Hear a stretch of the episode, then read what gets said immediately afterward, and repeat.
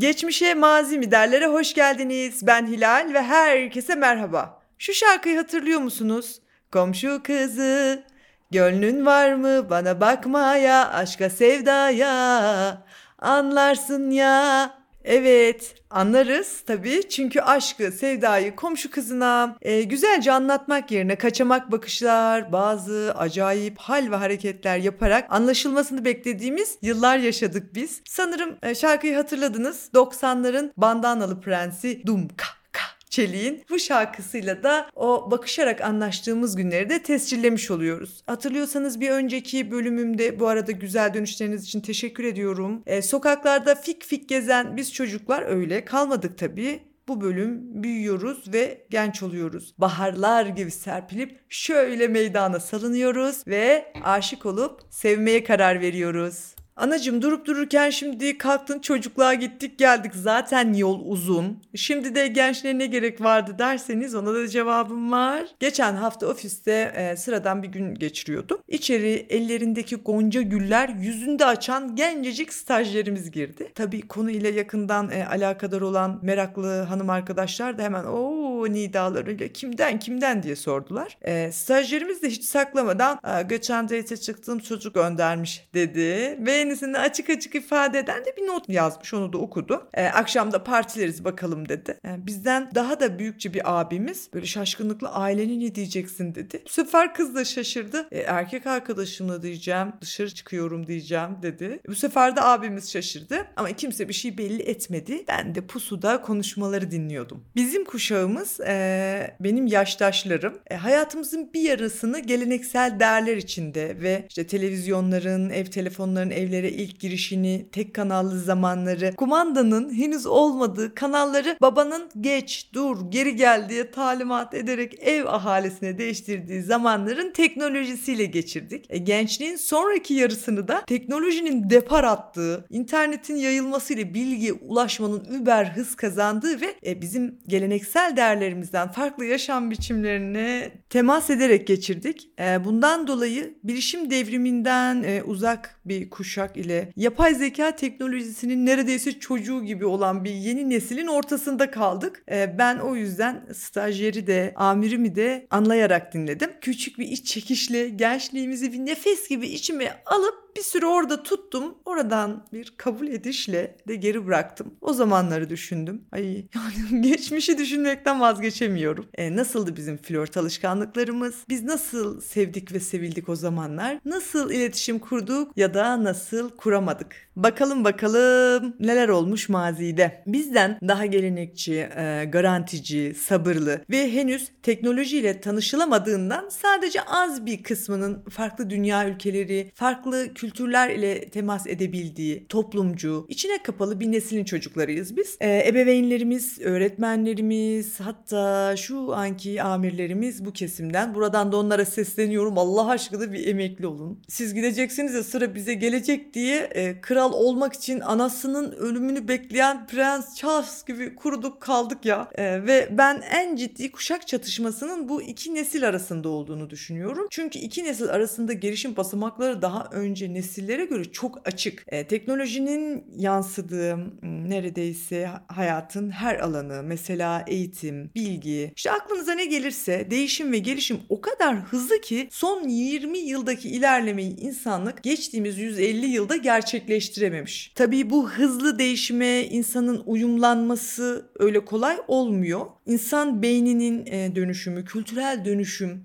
çok daha uzun yıllar gerektiriyor. Araştırmalar da böyle söylüyor. E, neyse bizi yetiştiren ve o dönem büyük ölçüde kuralları koyan yani bizden önceki e, kuşak flört mülört böyle şeylere çok hoş bakmazdı ve ailenin gündeminde de böyle şeyler olmazdı. Eğer varsa böyle bir teması evliliğe giden bir ilişki olmalıydı. Hala da kullanılan ve e, biz ciddi düşünüyoruz ibaresi yani boşa çıkmadı. E, buradan ciddi düşünmekten bahis evlenmek, e, geri kalan tüm sevmeler la kayıt yani Sizi ciddiyetsizler sizi. Yani madem evlenmeyi düşünmüyorsan birbirinizi neden oyalıyorsunuz e, diye düşünülürdü o zaman. İnternetle temas etmediğimiz daha ergenliğin ilk dönemlerinde e, alanımız mahallemiz ve okulumuzdu. Bundan e, gayrıca bir alanımız da yoktu. E, genç olunca da oralarda da bir sınırlanıyorsunuz. E, artık o güzelim mahalle oyunlarından biraz mahrum kalıyorsunuz. Hep gözetim altındasınız. Daha dün arkadaşımız olan Tek Kaş Mahmut ile Sıska Şaziye birden başka bir anlam kazanıyor.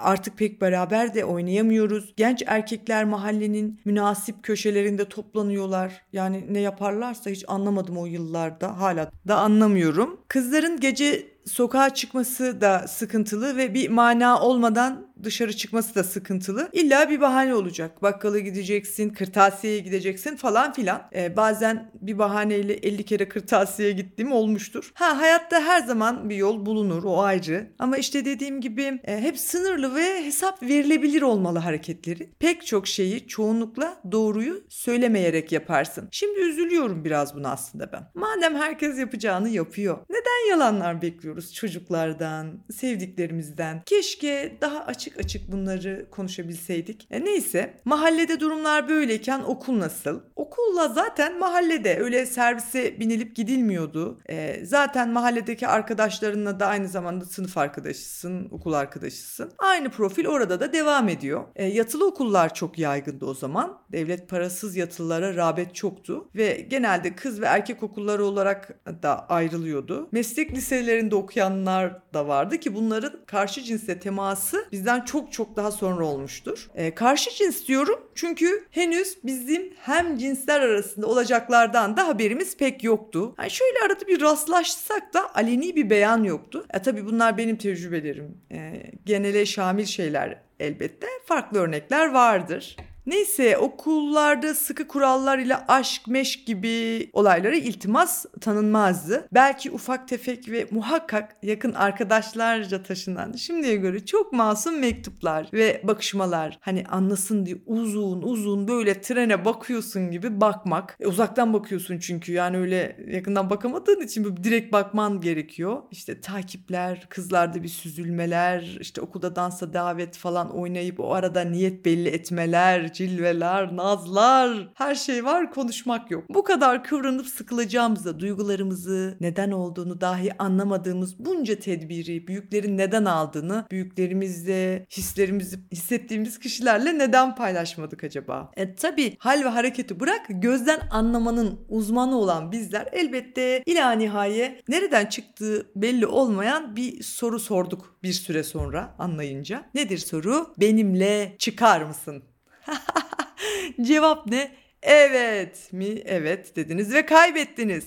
Hayır, hayır dediniz ve kaybettiniz. Rahmetli Erkan Yalaç'ın yarışma sunarken dediği gibi evet, evet de desen, hayır de desen kaybediyordun. Çok saçmaydı. Hayır cevabı çok büyük bir aşk acısı doğurur. Ondan sonra dur dinle, kara gözlüm gitme, yapma bana küsme diye Kerim Tekin dinletirdi bu cevap bize. Kerim Tekin'e de Allah rahmet eylesin. Hayır ne oldu da ne ara bu kadar sevildi uzaktan. O ayrı bir konu olmakla birlikte asıl muamma cevap evetse yaşanıyordu. Evet çıkalım dedik. E sonra utanmalar, kaçmalar, şarkı dinletmeler, ev telefonundan işletmeler, çaldırıp kapatmalar çıkarmalar. Çıkar mısın dedik ama nereye çıkaracağımızı bilmiyoruz. Hadi bakalım bu da iner misin çıkar mısın madem yarışmalardan gittik. Nasıl bilelim? Kimse nasıl sevileceğini bilmiyor ki. Doğru düzgün iki genç arasında diyalog nasıl olacak? Ne yaşıyoruz biz? Soracak kimse de yok. Dediğim gibi e, televizyon, basın yayın sınırlı. Aile içi iletişim sansüre tabi. Yani evlerimizde anne ile babanın yakınlaşmasına falan şahit olmuyorsun hiç. E, ebeveynlerimizin arasındaki olayı anlamamız zaten çok zamanımıza mal oldu. E, evet e, anne ve babamızı kardeş sandığımız bir dönemimiz de oldu ve travmatik bir biçimde anlamak da mümkün yani sobalı evlerde. Allah'ım böyle karanlık dönemler yaşadı bu gençler. Neyse filmler dizilerde de zaten konulara değinmek kısıtlı. Kimse ne okulda ne evde bir şey anlatmaz. Öyle doğal yollardan öğrenirsin ki şu anda bile kelimelerimi seçiyorum. Zinhar, hacı annem, hacı babam falan dinlerlerse diye. Sanırım bu benimle çıkar mısın e, sorusunu da genelde erkekler soruyordu. Çünkü hep ilk adımı erkek atar. Kız kısmına öyle şeyler yakışmaz. Kız hemen evet demez. Erkek mücadele etmelidir. Bir kızı sevme hakkına ulaşmak için uğraşmalıdır. Kız da zor olmalıdır. Ama erkek bu uğraştan memnundur. Uğraşmazsa çünkü aman hafif kızmış derler. Ay meğer dünden gönlü varmış. Kız aşüftenin tekiymiş derler. Kim bilir kaç kişiye daha böyle kolayca evet dedi derler. Derler de derler. Olan demezse birileri der muhakkak. Sonra az daha büyüyeyim. Y kuşağının evlenme yaşı 18-27 olarak belirlenmiş literatürde. Yığınılma kadınlar için 22, erkeklerde de işte 23-24. Liseden sonra münasip bir kısmet bulup evlenen kızlarımıza mutluluklar. Ve muhtemelen ee, para kazanmak zorunda kalan ya da babasının işine devam eden yahut da lanet olsun atom fiziğine bundan sonra itlik, serserilik diyen erkeklere de başarılar diyerek orada bırakıyorum. Okuyabilme şansı yakalamış atom fiziğinde istikrarlı arkadaşlarımla biz biraz daha büyüyüp üniversiteye gidiyoruz. Artık erken gençlikten biraz daha aklı başında gençlik zamanları. Evet aklı başında diyorum duyda inanma. Tabii ki üniversite, mahalle, aile ve çevreden bir nevi ilk kopuş. Başka şehirlerden, kültürel, ekonomik seviyelerden insanlarla neredeyse ilk temasımız. Tabii ki o zaman da siyasi etkileşim çok fazlaydı. Üniversitelerin bildiği siyasi kimliği vardı. Yani işte sağcıların yoğun olduğu, solcuların yoğun olduğu üniversiteler gibi hangisine düştüyseniz özgürlüğünüz oranın hmm, nasıl desem kendi özerk kanunlarına göre belirlenirdi. Ben çok şükür her zaman olduğu gibi şansım yaver gitti ve el ele gezenlerin dövüldüğü bir üniversite okudum. Her neyse her ne olursa olsun yine de e, flört edebilmek için daha özgür bir ortama kavuşsak da hatırlıyor musunuz kantinlerde işte bir yerlerde müzik kutuları olurdu. Para atıp müziği başlatırdık. E, işte kantinde de mesela müzik kutusu vardı. Oraya para atacaksın müziği seçeceksin de işte maşukun içeri girmesiyle müziğin başlaması bir, birine bir denk gelecek böyle bir romantik gizemli davranışlarımız devam etti. Duyguları ifade etmekte eksiktik biraz da işte o üniversiteye gidince hemen düzelmedi. Bizim yerimize aşkımızı Burak Kut, Mustafa Sandal falan anlatırken arzularımızı Tarkan, Gülşen, Serdar Ortaç falan gıdıkladı. E belki de o yüzden hala çılgınlar gibi esen 90'lar müziği rüzgarı bu kadar güçlü ve anlamlı bir anlatımı oldu. E, bu durum şöyle bir şey de doğurdu. İşte mahalle baskısı korkumuz, e, duygusal yeteneksizliğimizin sonucu olarak anonim olarak yazma imkanı veren sosyal siteler mesela Ekşi Sözlük. 2000'lerde ilk kurulduğunda gerçekten müthiş bir bilgi ağı oluşturdu. Hem de konuşulamayan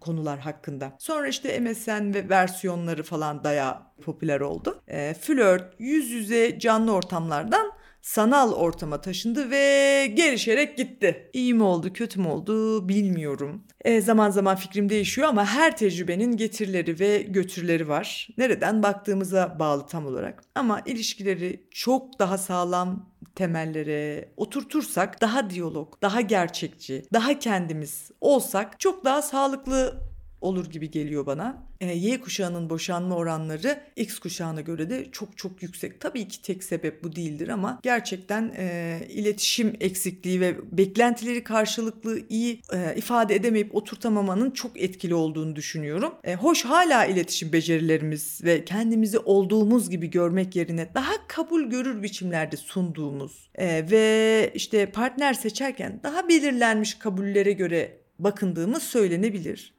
Ee, umarım insanlık sevmenin ve sevilmenin çok daha sade, dürüst ve arkadaşça bir yolunu bulabilir. Hepinize benden kucak dolusu sevgiler. Umarım hiç kimse bir kerecik aşık olmadan gitmez bu dünyadan. Hoşçakalın. Görüşmek üzere.